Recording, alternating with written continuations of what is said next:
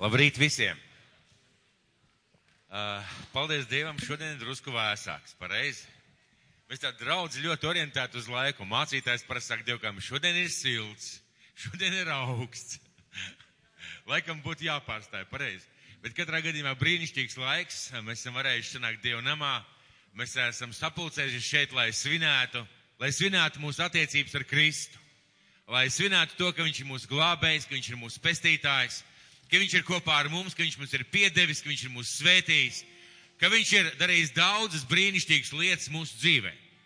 Es šodien gribu dalīties ar vārdu, kura nosaukums ir ceturtais bauslis. Vārda nosaukums ir ceturtais bauslis, jeb atpūtas svarīgums kristiešu dzīvē. Ceturtais bauslis vai atpūtas svarīgums kristiešu dzīvē. Un runa būs par ceturto bausli. Par ceturto bausli, un es zinu, ka daudzi no mums zina bausšus no galvas, bet mēs šodien runāsim par ceturtā bausļa būtību, par atpūtas svarīgumu kristiešu dzīvē. Un gribētu es sākt no pirmās mūzes grāmatas otrās nodaļas, pirmais līdz trešais pants. Pirmā mūzes grāmata, otrā nodaļa, pirmais līdz trešais pants. Tā tika pabeigtas debesis un zeme un visu to pulki.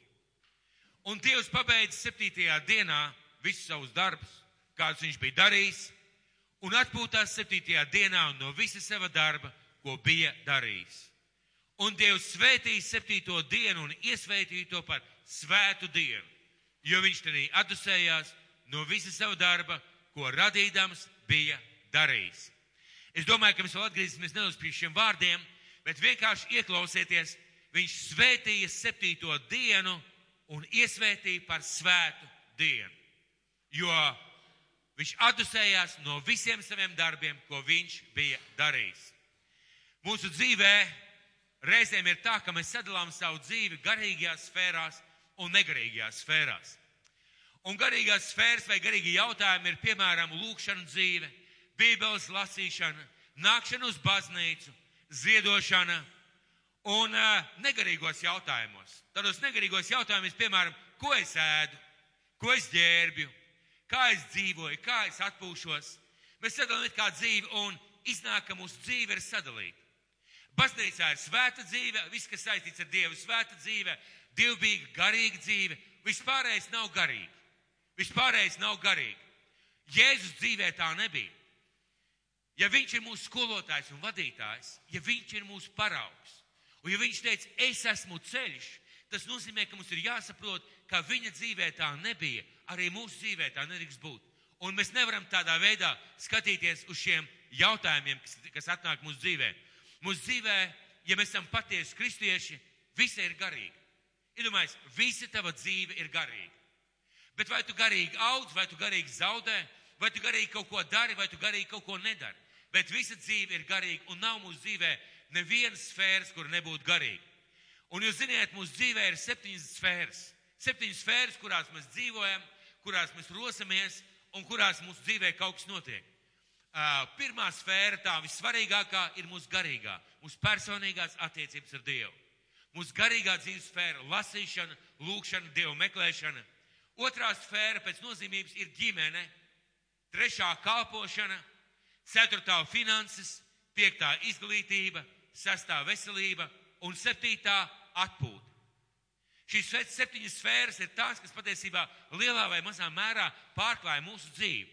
Bet kas ir interesanti, šīs sfēras, viņas ir savijušās. Viņas nevar viena no otras atraut. Piemēram, kā garīgā sfēra var iespaidot vai iespaidot tavu izglītību, vai tavu kāpošanu, vai tavus finanses. Kā, piemēram, veselība iespaido tavu garīgo dzīvi, vai tavu ģimenes dzīvi. Kā tavas finanses iespaido garīgo dzīvi un ģimenes dzīvi. Šīs sfēras ir kopā un viņas vienmēr, vienmēr iespaido un viņas visas ir ļoti svarīgas. Un viena no mūsu dzīves sfērām, ar kuru mēs saskaramies, kurā mēs dzīvojam, un nav neviena cilvēka, kuram šīs dzīves sfēras nebūtu. Tā ir mūsu atpūta. Mūsu atpūta, jeb brīvais laiks. Vai tā ir garīga sfēra? Vai tā ir garīga sfēra mūsu atpūta? Kāds teiks, nu mācītājs tikko pateicis, tad jau laikam ir, vai ne? Jānis pateica, jau laikam ir pareizā atbilde vienmēr jā, ir tā, jā. Ja? Absolūti, jo tā iespaido mūsu attiecības ar Dievu un cilvēkiem. Mūsu atpūta iespaido mūsu attiecības ar Dievu un cilvēkiem.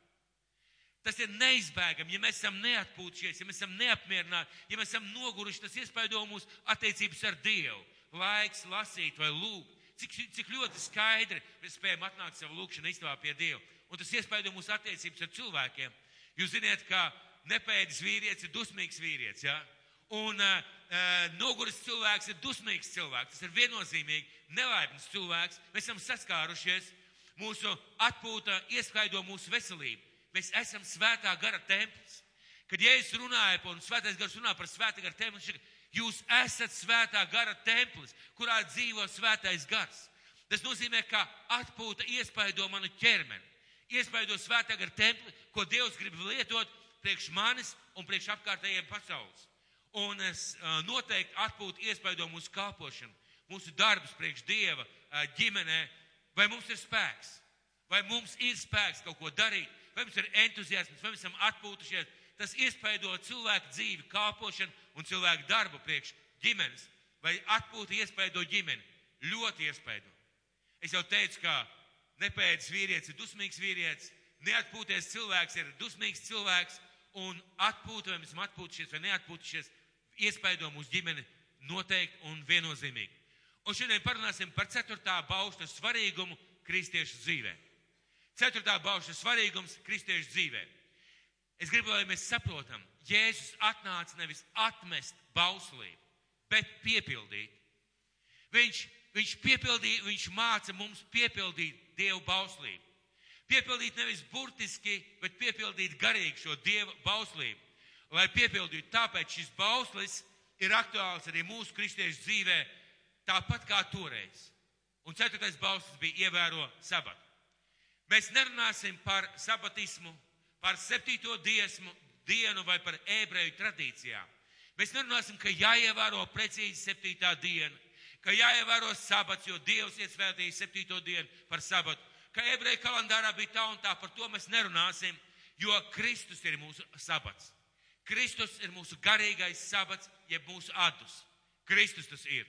Jaunās derības kristieši jau no pirmās pirma, pirmajām Bībeles lapusēm mēs ieraugam, ka viņi pulcējās nedēļas pirmajā dienā. Kristus augšām celšanās dienā, lai svinētu, lai sanāktu kopā, lai klausītos vārdu, lai pielūgtu Dievu. Tātad mēs nerunāsim par šīm lietām, par šo burtu kalpību, bet kāda tad ir sabata dienas būtība? Kāda tad ir dziļākā jēga sabatam? Kas ir tas, kāpēc Dievs pats personīgi svētīja un ievēroja un ka Jēzus ievēroja, un kāpēc viņš mūs māca ievērot šo, kas ir šīs svētās dienas, jeb sabata dienas būtība. Es neesmu par šo jautājumu daudz runājis. Ja nemaldos par sabatu, esmu runājis vienreiz vai divreiz savā mūžā. Man citi jautājumi ir likšies svarīgāki. Bet, ziniet, iet gadi. Un, uh, lai cik tev tās enerģijas ej, pēkšņi reizēm tu sāc sajust, ka, nu, nu tā kā drusku pietrūkst, pareizi? Un tu sāc aizdomāties nevis vecuma pēc, bet tu sāc aizdomāties, kas ir tas, ko tu nesaproti, kāpēc tev reizēm ir grūti kāpot. Mūsu draugs Sergejs Šidlovskis eh, vairākus gadus atpakaļ mēs ar viņu runājām, un mēs aizskārām šo jautājumu. Un viņš minēja vienu ļoti zināmu, eh, pasaulē populāru lielu kalpotāju. Un viņš teica tā, šim cilvēkam 70 gadi, viņš teica, es ar viņu runāju un sākām sarunu par šo jautājumu. Un šis cilvēks saka Sergejam, Sergej, iemācies atpūsties. Esmu kapājis 25, 30 gadus, un tagad man ārsts pasaka, kad es varu sludināt, kad es nevaru sludināt, kad es varu lidot, kad es nevaru lidot. Kāpēc? Jo es ignorēju to, ko Dievs ir atklājis savā vārdā. Un uh, man patīk Joyce Meyer, daudz zinu šo sludinātāju. Uh, es dzirdēju šo lietu, tā man ļoti iepatikās. Es zinu, ka mūsu vidū ir cilvēki, kuriem saka, tā mācītājs un atvaļinājums divas nesavienojamas lietas. Varbūt nevajadzētu saukt par atvaļinājumu, varbūt, varbūt vajadzētu saukt par atpūtas laiku, varbūt piekrīt šajā jomā. Un te viņi teica tā, un kāds liels kalpotājs ar lepnumu, viņu sarunā ar lepnumu saka, es neesmu bijis atvaļinājumā 16 gadus. Es neatceros, vai viņi nosauc to vārdu. Tad viņi uztaisīja pauzi, viņi savu sludināja kādā lielā dievkalpojumā, uztaisīja pauzi un pēc tam saka visai zālē, it kā Dievs par to priecātos. Viņš lielās un priecājas, ka viņš nav 16 gadus bijis atvaļinājumā. Viņš saka, un it kā Dievs par to priecātos, ka tu neesi bijis atvaļinājumā 16 gadus. Un tas ir garīgs jautājums. Tas viennozīmīgi ir garīgs jautājums. Uh, tas ir aktuāls jautājums, par ko mums ir jārunā. Un kristiešu vidū šis jautājums ir ārkārtīgi nezināms, neizpētīts un neizdzīvots. Un tieši tāpēc daudz arī cieši. Pie šī jautājuma jāstrādā, jādomā, un katram jādomā varbūt nedaudz savā virzienā un pa savam. Un tāpēc izlasīsim 5. mūzes grāmatu. 5. mūzes grāmata, 12. 12.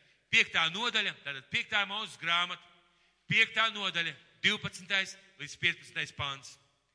Un Dievs dod Dievs dod uh, baušļus. Un sākot ar 12. Pantu, runa ir par 4. bausli. Ievēro sabata dienu, ka tu to turi svētu. Kā tas kungs tavs dievs tev to ir pavēlējis. Sešas dienas tev būs strādāt, visus darbus darīt. Bet septītajā dienā, bet septītā diena ir tā kunga, tava dieva dusēšanas diena.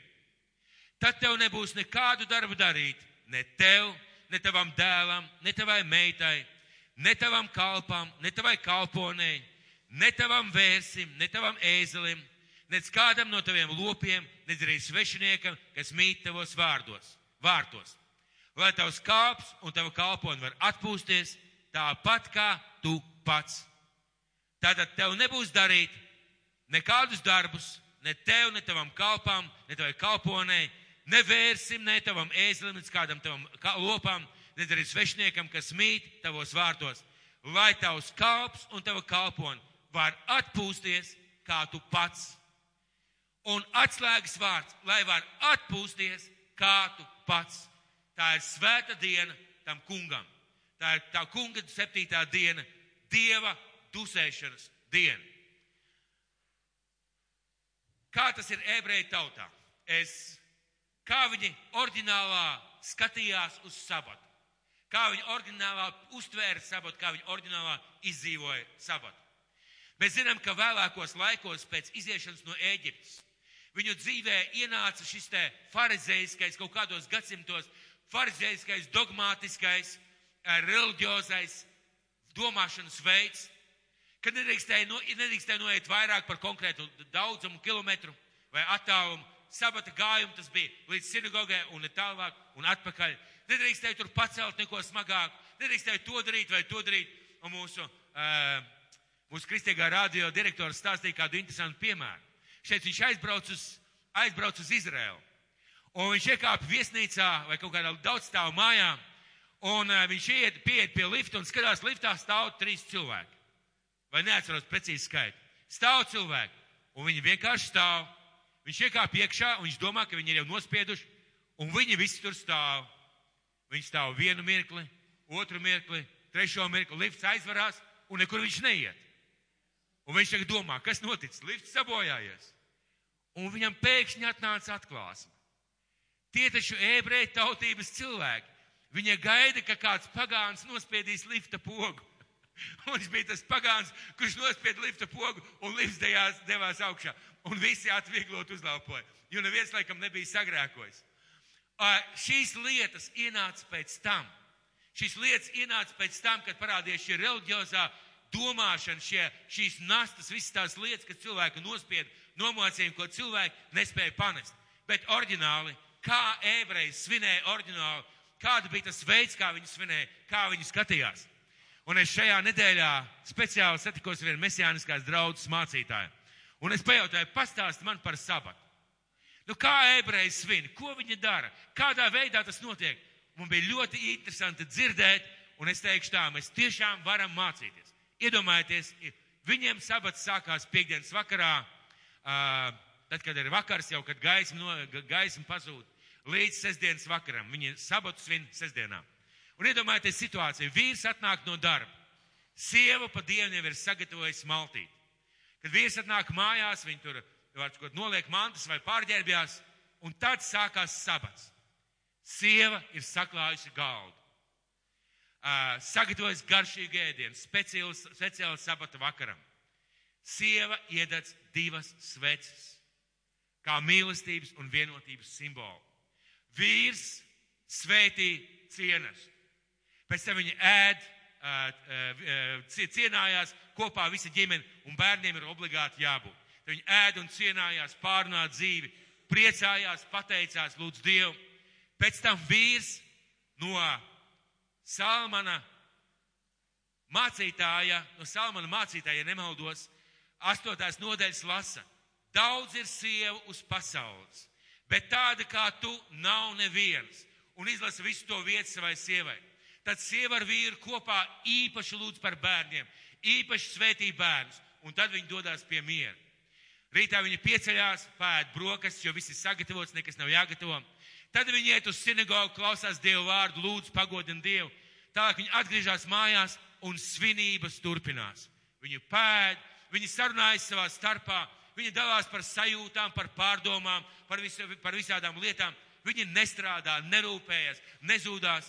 Es klausījos to, es domāju, kaut mums kristiešiem šitā izdotos. Ko? Kā jūs domājat, māsas? Iedomājieties, vīrs atnāk mājās, jūs iededzināt divas sveces un uh, svinat kopā ar vīru sabatu. Dieva dusēšanas un ģimenes dusēšanas dienu. Un šis mācītājs stāstīja kādu interesantu piemēru. Viņš stāstīja, viņš teica, viņam, viņa draudzē, viņa ir mesēniskā draudze, nāk kāda sieviete, kuras vīrs galīgs pagāns.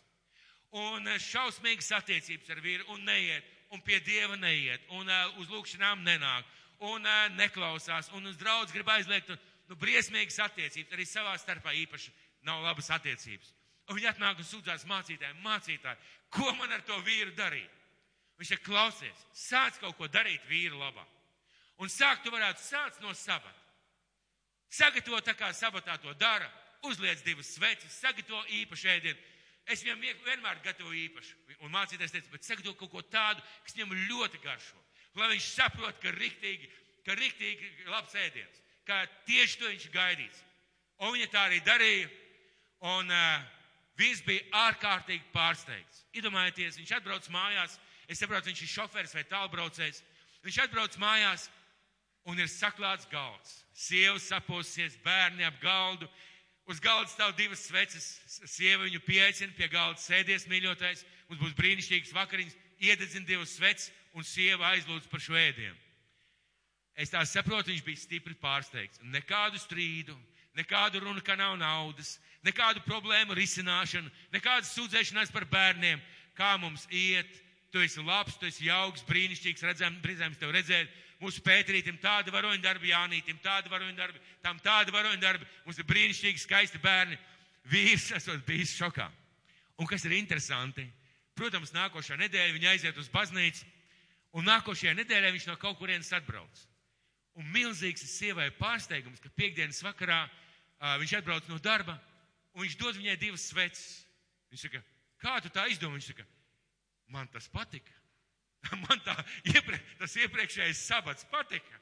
Un dod viņai divas sveces, ja mīļā, ja tev tas patīk, es gribu tev, lai, lai tev patīk. Un atkal viņiem ir sabats, un atkal ir brīnišķīgs laiks, un romantisks vakars, un sestdien nekur neskrien, nedrāžās, sieva aiziet uz, aiziet uz baznīcu, pēc tam atgriežas atpakaļ kopā ar vīru, ar ģimeni, viņi kaut kur dodās, atpūšās.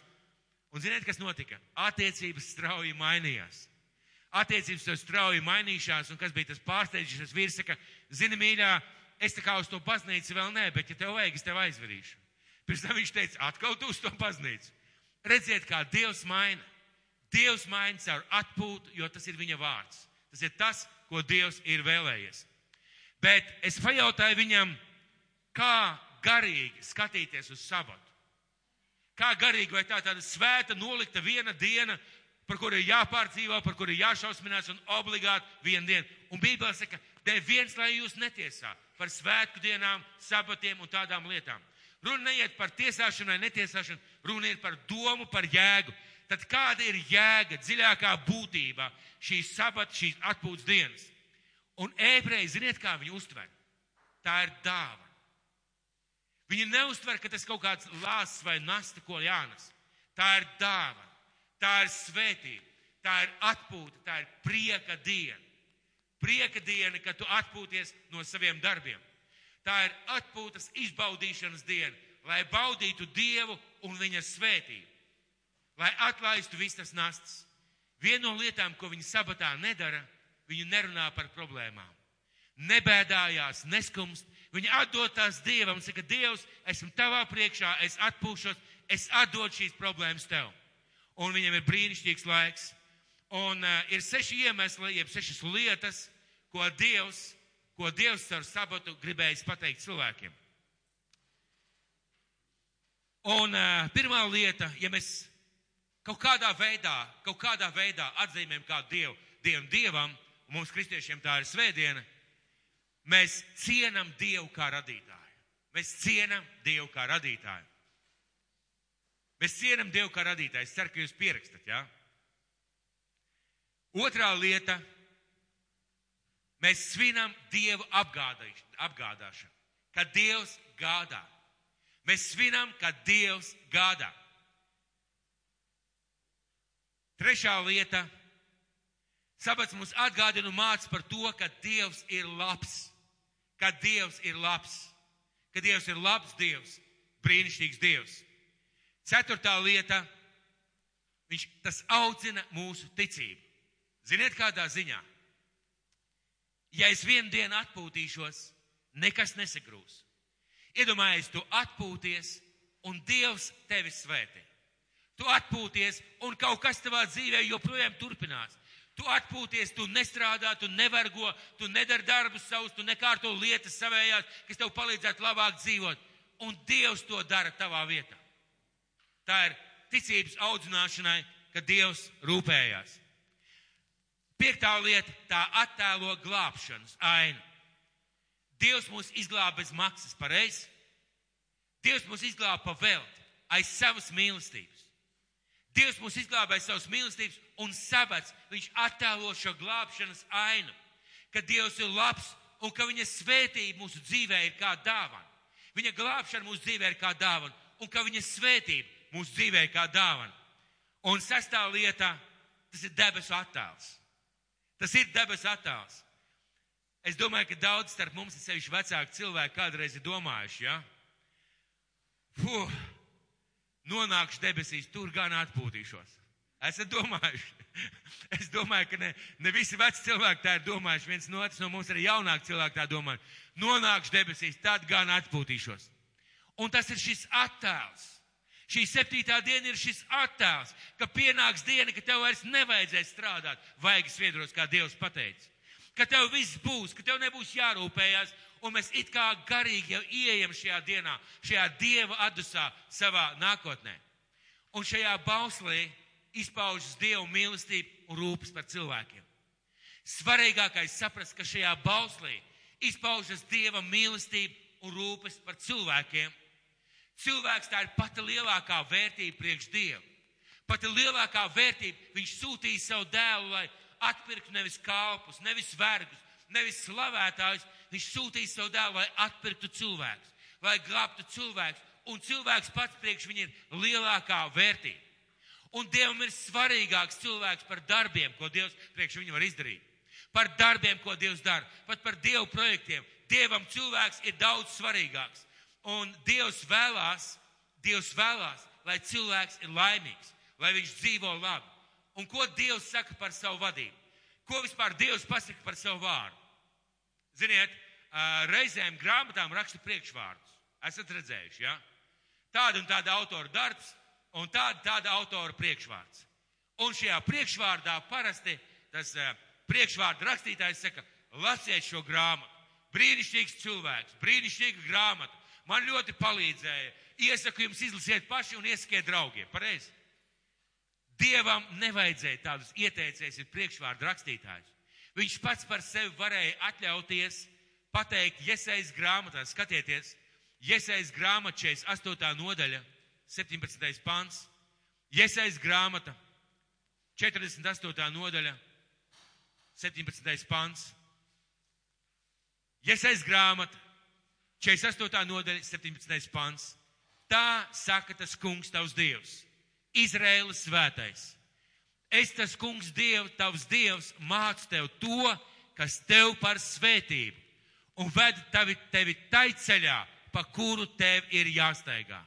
Kaut jau tu ievērotu manus baušļus, tad tava labklājība būtu kā straume un tava taisnība kā jūras viļņi.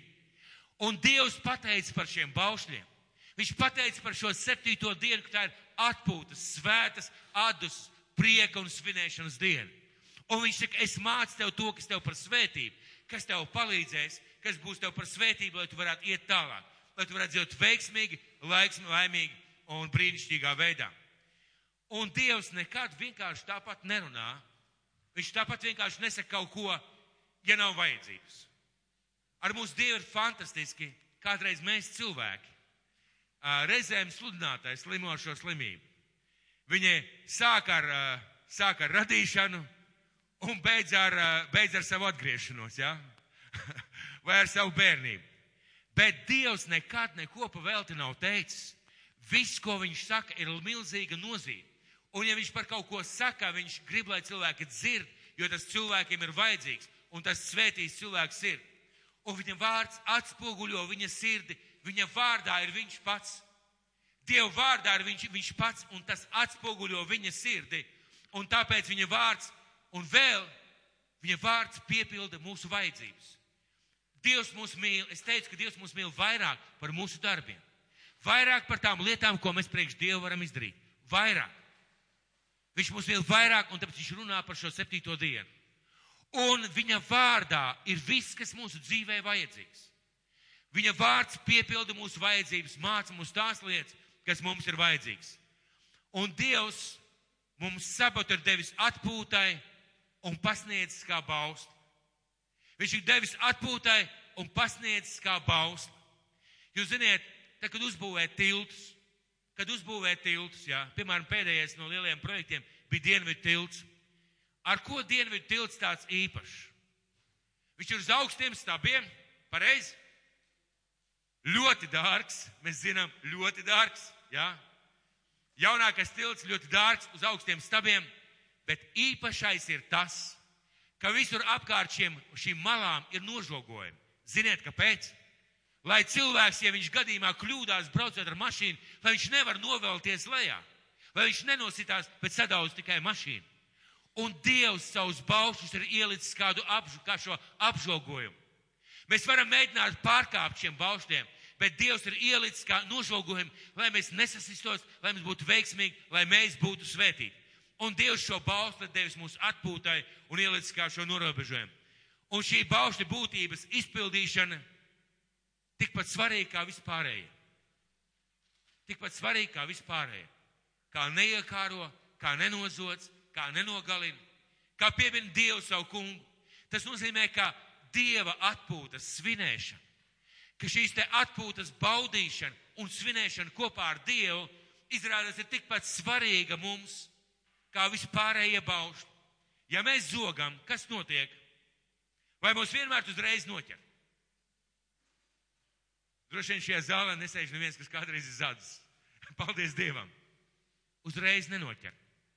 Pienāk diena, un tu sēdi aiz restēm. Ja mēs ignorējam atpūtu, kas notiek? Pienāk diena, un mēs guļam slimnīcā. Pareizi? Pienāk diena un sabojājas attiecības. Pienāk diena, mēs jūtam spēku vairs nav. Šīs bauslis ir ārkārtīgi svarīgs. Tieši tas pats kā vispārējiem. Un, protams, ka mums vajag strādāt un mums vajag kalpot. Dievs teica, sešas dienas dari visādus darbus. Sešās dienās dari visādus darbus. Un bez darba mīlestības, bez čakluma nebūs panākumu un nebūs rezultātu mūsu dzīvē. Viennozīmīgi. Bet mums vajag balansu. Mums vajag iemācīties turēt līdzsvaru Mums vajag ne tikai kvalitatīvi strādāt, bet iemācīties kvalitatīvi atpūsties. Mums parasti liekas otrādi, vismaz man personīgi daudz gadus likās otrādi. Ir kvalitatīvi jāstrādā, un tā atpūta pati par sevi kaut kā atnāks. Ziniet, neatnāk viņa kaut kā pati par sevi. Izrādās, ka atpūta ir jāplāno. Izrādās, ka šis sabats, šī atpūta ir jāmeklē, viņai ir jāizdala speciāls laiks. Viņa apkārt tam šim laikam ir jāiesprauž žodziņš, lai nekas nevar tikt šajā laikā iekšā. Tas ir jādara, kāpēc? Lai mēs varētu izbaudīt šo atpūtu, lai mēs varētu piepildīt Dievu bausli un svētību sev. Mums vajag ne tikai kvalitatīvi strādāt, bet arī kvalitatīvi atpūsties. Un atpūtas trūkums ir bīstams. Daudz no mums zina, ko nozīmē atpūtas trūkums. Tas var atnest slimības, un parasti tas atnes slimības. Šis atpūtas trūkums, viņš atnes slimības mūsu dzīvē. Mēs zaudējam spēkus. Mums nepietiek spēka lietām, kuras mums vajadzētu izdarīt, un mēs saprotam, man nav spēka. Un enerģijas trūkuma dēļ mums pazūd arī prieks. Daudziem kristiešiem šīs atpūtas trūkuma dēļ ir pazudis prieks par Dievu. Bet ko Dievs teica? Prieka diena, svēta diena, atpūtas diev, diev, Dievam diena. Tātad pazūd šis te prieks. Ziniet, mēs paši sevi nevienmēr redzam no malas, kādu mēs izskatāmies. Kas ar mums notiek, kad mēs ignorējam atpūtu un cenšamies skriet bez mēra? Mēs bieži vien paši sev neredzam. Vislabāk mums var pateikt apkārtējie. Pareizi? Un parasti mēs sakam tā, nu, tad, kad tu esi noguris, parādās tas, kas tev ir iekšā. Jā, protams. Bet viņš varēja turpat arī palikt un neiznākt ārā, ja tu būtu reizēm atpūties. Pareizi? Un cilvēki redz, cilvēki cieši, cilvēki pārdzīvo, kāpēc, jo mēs neesam atpūtušies un neesam veltījuši tam laiku. Un vēl viena kļūda ir, mēs nepareizi izmantojam atpūtu, nekvalitatīvi izmantojam atpūtu. Vai kāds ir kādā savā atvaļinājumā taisījis lielu remontu? Es nerunāju par sīkiem remontiem. Vīriešiem reizēm patīk pakķibināties pa mājām, kaut ko padarīt. Sievietēm patīk dārzā, puķis un viss pārējās lietas. Bet kaut ko tādu lielu, tādu not, atvaļinājums atnāks, tas man ir jāizdara. Kas notiek pēc tam? Pēc atvaļinājuma vajag atvaļinājumu. Esat dzirdējuši? Pēc kārtīgas atpūtas vajag atpūt. Man ir bijuši tādi atvaļinājumi. Atvaļinājums ir beidzies, un tu domā, Dievs, kaut varētu vēl dabūt pāris dienas. Man vajag atvaļinājumu. Man ļoti vajag atpūsties. Esat tā, tādas lietas piedzīvojuši. Pareiz, mēs nekvalitatīvi izmantojam atpūtu.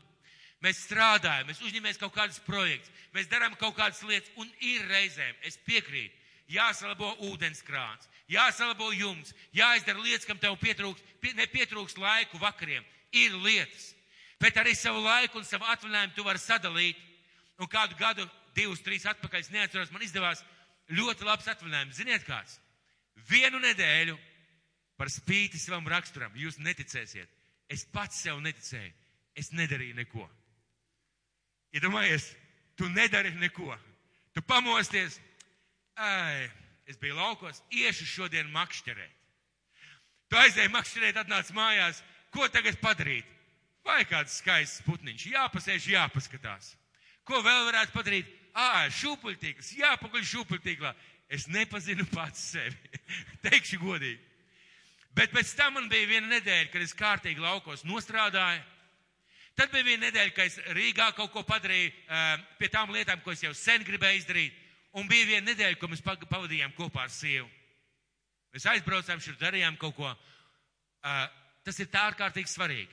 Mums ir jāiemācās pavadīt mūsu atvaļinājumus kvalitatīvi saplānot un kvalitatīvi piepildīt šo laiku. Man kāds vīrs stāstīja par savām sestdienām un svētdienām. Viņš ir neticīgs cilvēks. Neticīgs cilvēks. Es gribu varbūt atgriezties pie priekšējā temata.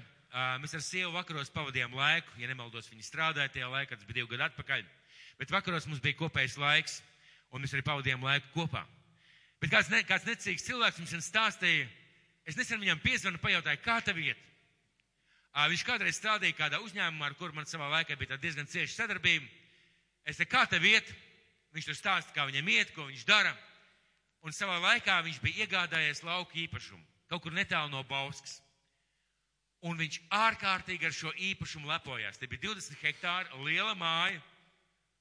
Un uh, jau tajā laikā, kad es viņu pazinu, ka mēs par šīm lietām runājam, ka viņš tikko bija iegādājies, tad viņš mīlēja uh, stāstīt, viņš pats izraisīja šīs sarunas, viņš stāstīja par savu lauku īpašumu. Un ziniet, kā viņš stāstīja par to, ko viņš dara. Un tad es braucu uz savu lauku īpašumu un varu just, ka cilvēks izgaršo šos vārdus. Izgaršo šos vārdus. Mans lauku īpašums. Un tad viņš stāstīja, ko viņš tur dara, ko viņš tur būvē, ko viņš tur pļauj. Un viņš to darīja pa sestdienām, svētdienām. Ir pagājuši vairāki gadi, es viņam pajautāju, nu, un kā iet tevam lauku īpašumam? Viņš saka, zini, Tā ir muca bez dibena. Es saku, kas, kas? Muca bez dibena. Tur var likt un likt iekšā. Jauki, kad viss ir skaisti, brīnišķīgi, ka viss ir skaisti. Bet, zini, man sāk pietrūkt spēka. Es vairs negribu tā kā toreiz tajā laikā, kad strādāju tur un tur, kad uh, brīvdienas beidzās, tu atnāc uz darbu, un tev, tev, tev pusdienas pārtraukumā jāskrien pēc Red Bull, lai tu varētu pastrādāt.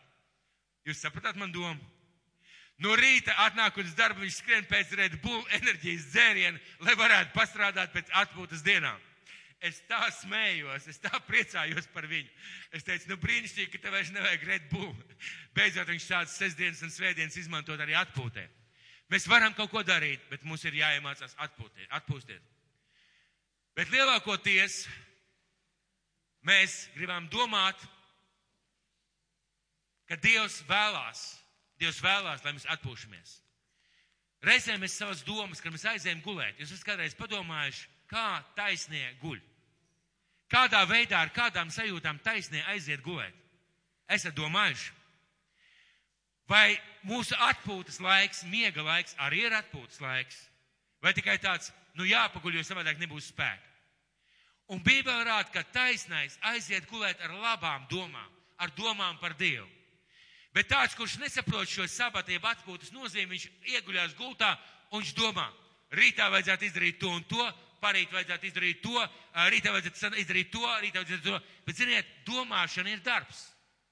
Domāšana ir darbs un domāšana prasa spēks un enerģiju. Rezultāts ir tāds, ka tu no rīta pamodies, neizgulējies, it kā tu jau visu nakti būtu strādājis. Tu uh, jūties tā, pārdzīvo jau tās sajūtas, kas tev būs rītā darbā. Rezultātā arī miegs tev nesagādā atveldzējumu. Un tā mēs turpinam. Mums vajadzētu iemācīties aiziet gulēt, zināt, ar labām, gaišām domām. Tas ir arī zināma sabata sastāvdaļa. Labas, gaišas domas. Es tagad guļu, bet Dievs tajā laikā man svētī. Bet Dievs tajā laikā man atspērdzina. Dievs tajā laikā rūpējās, gādā par mani. Viņš strādā, kaut kas notiek manā dzīvē, kaut kas veidojās, un es būšu svētīts. Tātad arī atpūsties ir jāiemācās ejot gulēt. Un, ziniet, mēs visi zinām, ka mums ir gadā 365 dienas. Jūs zināt, ka jums gadā ir 365 dienas? Ir 365 dienas, pareizi? Vai tā ir?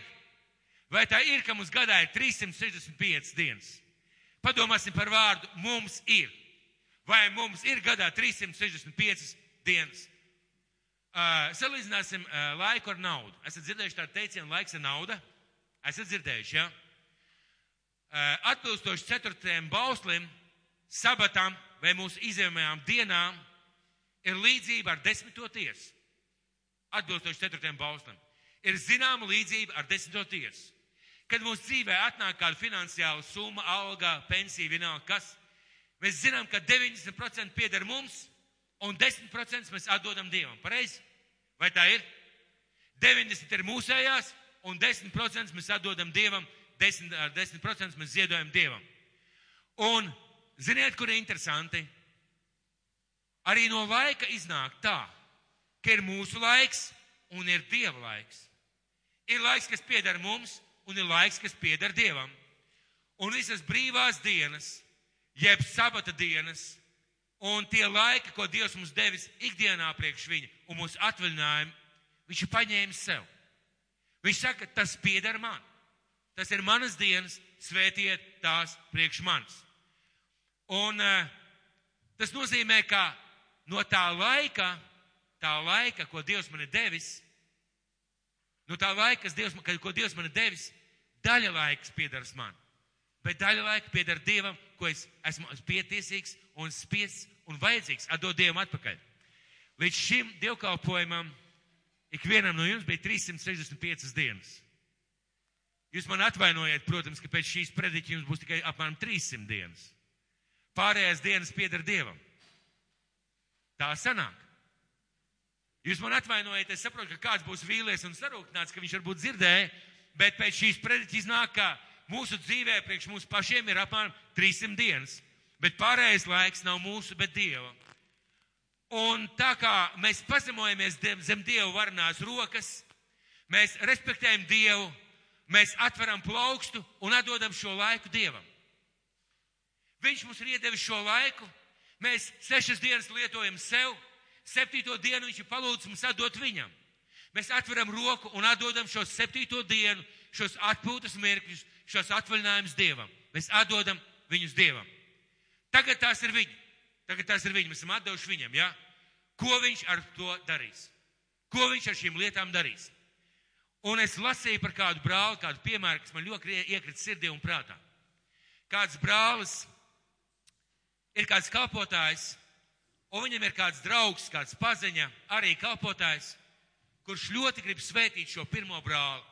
Nu, ārkārtīgi grib svētīt un cenšas viņam iedot naudu, ziedot naudu. Un šis kalpotājs, viņš negrib pieņemt šo naudu. Kāpēc viņš negrib pieņemt šo ziedojumu, šo naudu? Viena iemesla dēļ.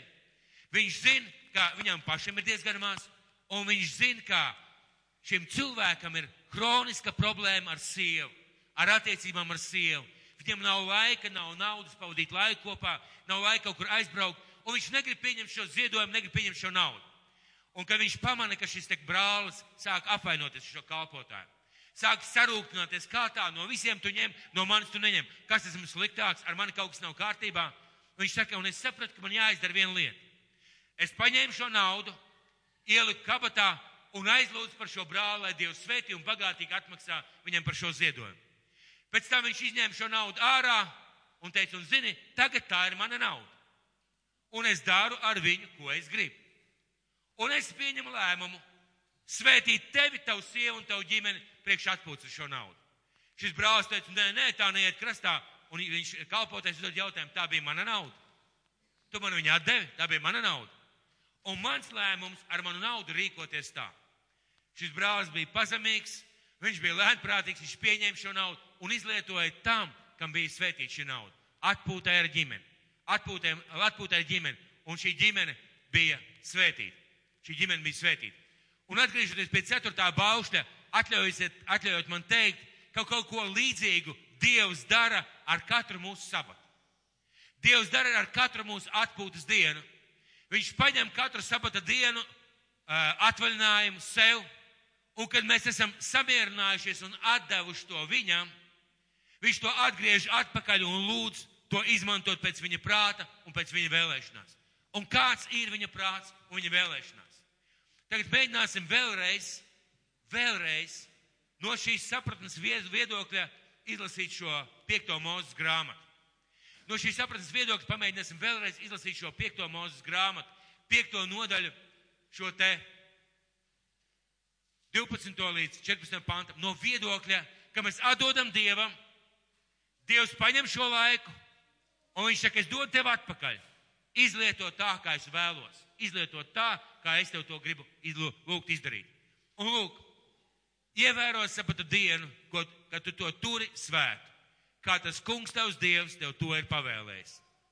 Sešas dienas tev būs strādāt, visus darbus darīt.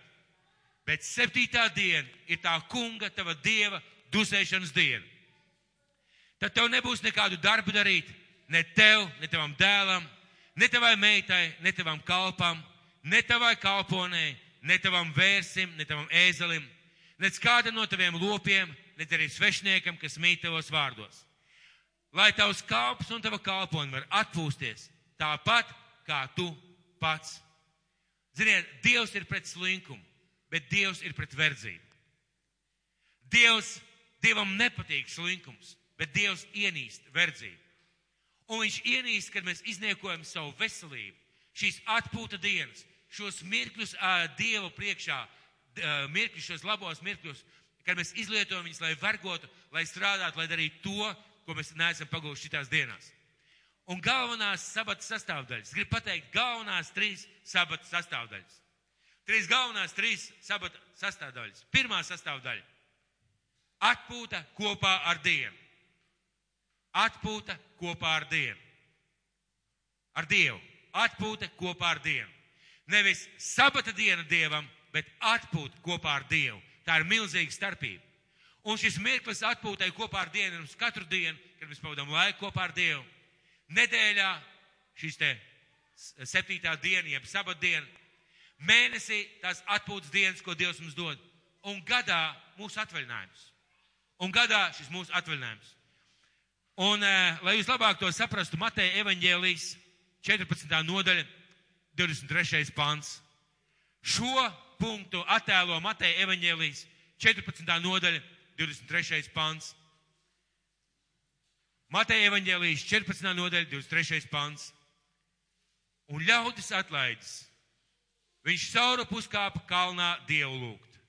Un kad vakars metās, viņš tur palika viens pats. Tas ir laiks ar Dievu. Vai sabata dienā ebreji to svin kā sestdienu, mēs kā svētdienu? Vai šajā dienā ir vajadzīgs laiks kopā ar Dievu? Viennozīmīgi. Personīgs laiks un laiks kopā ar draugu. Lūk, kāpēc tie cilvēki, kas svētdienā izvēlās nenākt uz draugu, bet doties uz jūrmalu, viņi apzog sevi un zināmā mērā grēko pret Dievu. Lūk, kāpēc Dievam nepatīk jūrmālas brauciens svētdienā. Svētdienas vakarā lūdzu, ar ģimeni kopā brauc, dara.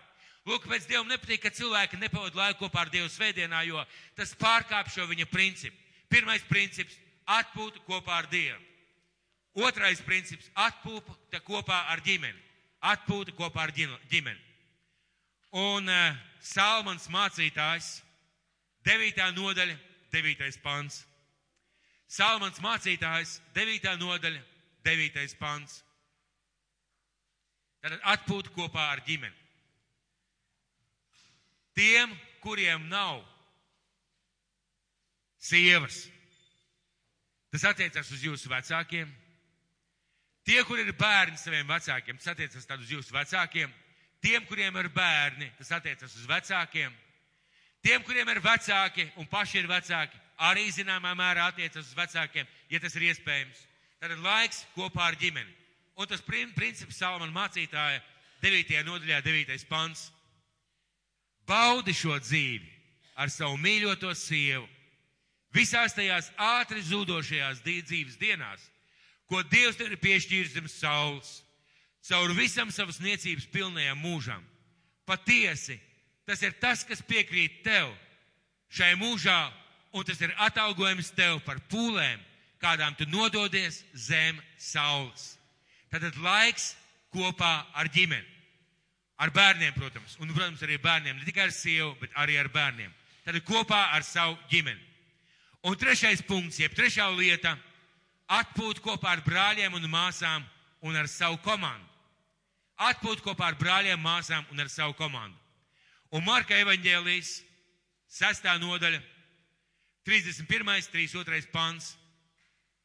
Marka evaņģēlijas, sestā nodaļa, 31. līdz 32. pants.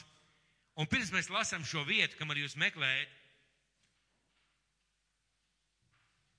man ļoti patīk šī vieta. Ziniet, kāpēc? Jo, ja es pasaku, kalpotāji, tev pienākās un tev vajag atpūsties. Tev ir vajadzīgs atvaļinājums. Šī vieta skaidri to pasaka. Šī vieta skaidri pasaka, ka mums nav jārūpējas par Dievu lietām 24 stundas diennaktī un uh, septiņas dienas nedēļā un visu savu mūžu. Jā, mums viss sfēras ir garīgas, bet atpūta ir daļa no garīgās dzīves, daļa no garīgās kalpošanas Dievam. Un lūk, šajā vietā Marka evaņģēlijā Jēzus pats personīgi, viņš izdara sakojošu lietu. Un viņš tiem sacīja, nāciet vieni paši saurup kādā vientuļā vietā un atpūtieties maķenīt. Jo daudz bija, kas nāca un gāja, un tiem nebija vaļas ne ēst. Un tie laivā aizbrauca saurup uz kādu tukšu vietu. Vai Jēzus viņu aizveda Dievu lūgt? Vai Jēzus viņu aizveda uz gāvēni? Viņus aizveda uz gāvēni? Vai Jēzus viņus aizveda lūgt par cilvēkiem? Viņš viņus aizveda atpūsties. Parūpējies, lai tavs Jēzus tevi aizved atpūsties. Vienkārši ieklausies šajā vārdā. Tātad laiks kopā ar brāļiem un māsām. Un, ka, un es šeit gribētu iztaisīt vienu tādu interesantu niansu. Interesantu niansu. Es zinu kādu kalpotāju, kurš uzaicināja, gribēja ļoti uzaicināt draudzes kalpošanas komandu, līderus uh, pie sevis ciemos. Viņam bija tāda iespēja, lauku māja, un uh, viņš aicināja šos cilvēkus. Un ar ko viņš interesanti ieraudzīja un sastapās? Bija cilvēki, kas bija garīgi cilvēki, kuru acīs un sajūtā varēja lasīt, priekš kam tas vajadzīgs. Nē, nu, ja tu mācītāji, tu teiksi, es braukšu. Bet kāpēc tas ir vajadzīgs? Jo mēs taču visi esam garīgi cilvēki. Mēs varam Dievu lūgt, mēs varam kalpot kopā, bet kopā atpūsties. Nu, kam tas ir vajadzīgs? Lieka laika izšķērdēšana. Tā ir milzīga kļūda.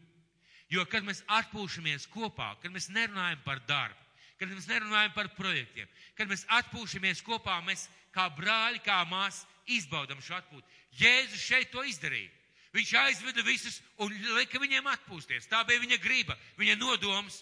Tā paša Jēzus, kas cēlā augšā miroņus, tā paša Jēzus, kas, kas teica, sadalīja pa Dievu un teica, ejiet sludināt evaņģēlī, tā paša Jēzus, Jēzus griba. Viņš aizveda viņus atpakaļ un te, no, nomaļus un teica, atpūtīsimies maķinī. Jo jums nav laika vienkārši atpūsties. Un tādos gadījumos nevajag runāt par darbu.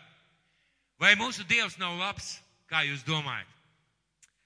Kā var nesajust viņa mīlestību, kas plūst no viņa vārdiem, kas plūst no viņa baustiem, kad mēs iepazīstam viņu, kad mēs saprotam, ka tie nav likumi likumu dēļ, ka tā ir Dieva griba mūsu pašu svētībai, un šī sfēra atpūta ir absolūti garīga.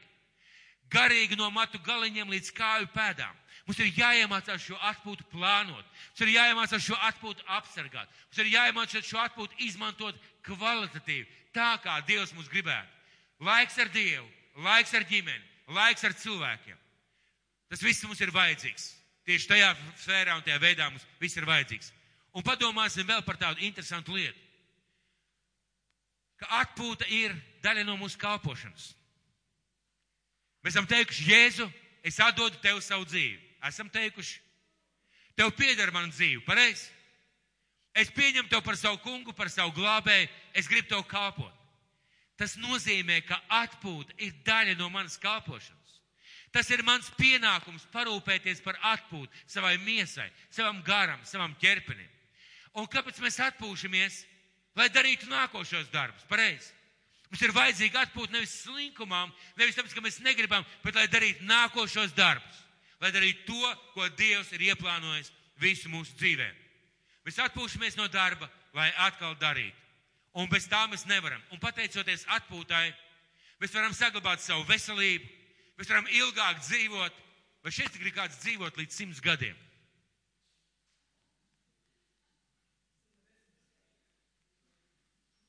Man jums ir labā vēsts tiem, kas pacēla roku. Mēs esam absolūtais mazākums. Bet mums ir pareiza vēlēšanās. Mēs gribam dzīvot līdz simts gadiem. Jūs pārējie dzirdējāt, jā? Ja? Vai šeit kāds grib dzīvot līdz simts gadiem? Paceliet droši roku. Lieliski. Domāsim par atpūtu. Domāsim par atpūtu. Domāsim par to, kā atpūsties. Uh, efektīvāk kalpot, efektīvāk strādāt. Mums būs labākas ģimenes, laimīgāki bērni. Mēs paši būsim priecīgāki. Mums būsim priecīgāka draudze. Un pats galvenais mēs būsim brīnišķīgās attiecībās ar mūsu debes tēvu. Lai nevienu nesamulsinātu, gribu teikt, es nerunāju par sesto vai septīto dienu. Pāvils ļoti skaidri saka, neviens, lai jūs netiesā par sabata dienām, par svētkiem, par konkrētām dienām, neviens, lai netiesā. Runa ir par nozīmi, par jēgu, par, par to, kas slēpjas aiz šīs sabata dienas. Un es tiešām ticu par tam, ko es šobrīd teicu, Un es aicinu jūs domāsim par to. Bet domāt ir viena lieta. Man ļoti gribētos, kad mēs rudenī ar jums satiksimies, kad mēs viens otram varētu pajautāt, kā tu atpūties. Un ka, ka mums neprādītas tāds viltīgs smaids un teikt, labi atpūtos, bet ja godīgi, vajadzētu vēl atvaļinājumu. Kārtīgi atpūta prasa kārtīgi atpūta. Lai mēs tiešām varētu smaidīt un teikt, es labi atpūtos ar Dievu, ar cilvēkiem, ar ģimeni. Tā ir sabata būtība. Tā ir Dieva griba. Un tā ir svētība priekš mums, viņa bērniem. Tā ir svētība priekš mums, viņa bērniem. Šis sabats, šī atpūta. Vai tu vari pateikt āmen? Vai kāds varbūt vēl var pateikt āmen? Āmen! Lai Dievs jūs visus svētītu! Un es gribētu aicināt uz īpašu lūkšanu. Ziniet, uz kādu? Dievs palīdz man iemācīties, atpūsties un palīdz man to izdarīt šajā vasarā. Es domāju, ka kāds kādreiz tā ir lūdzis izmisumā, ja? Bet šodien lūksim apzināti, jo Bībele māca par apzinātu lūkšanu, par lūkšanu, ka mēs apzināti Dievam kaut ko lūdzam. Un celsimies kājās un uh, lūksim, lai Dievs tiešām mums dod šo atpūtu. Mīļais dabas tēvs, mēs šodien pēc šī dievkalpojuma nostājamies tavā priekšā. Kungs, mēs atzīstam, ka šī viena diena nedēļā ir tava diena. Dabas tēvs, mēs atzīstam, ka tas ir tavs laiks, ko tu mums esi devis. Kungs, mēs atveram savas plaukstas, mēs atveram savus rokas un atdodam šo, šo laiku, šīs dienas tev. Kungs, mēs atdodam savu atvaļinājumu tev. Mēs atdodam tās dienas, kad tu mūs aicini atpūsties tev. Un lūdzam, kungs, māci mūs. Māci, mīļais Dievs, mūs svētīt šo sabatu. Māci, Dievs, mums izbaudīt šo sabatu. Izlīgsmot šo sabatu. Sabatu. Izdzīvot tās dienas kopā ar tevi, kopā ar ģimeni, kopā ar cilvēkiem. Debes tēvs, mums tik, tik daudz jāmācās. Bet māci tu mūs, Dievs, pats personīgi. Ikviena dzīvē, tu zini katrs apstākļus, tu zini dzīves veidus, tu zini cilvēks apkārt, tu zini dzīves ritmu, kungs svētī. Debes tēvs svētī ka mēs varam dzīvot šajā tavā svētībā, ka mēs varam kalpot tev ar šo sabatu, ka mēs varam baudīt no šīs sabata un piedzīvot tavu mīlestību un tavu svētību šajā laikā. Jēzus vārdā, Āmen!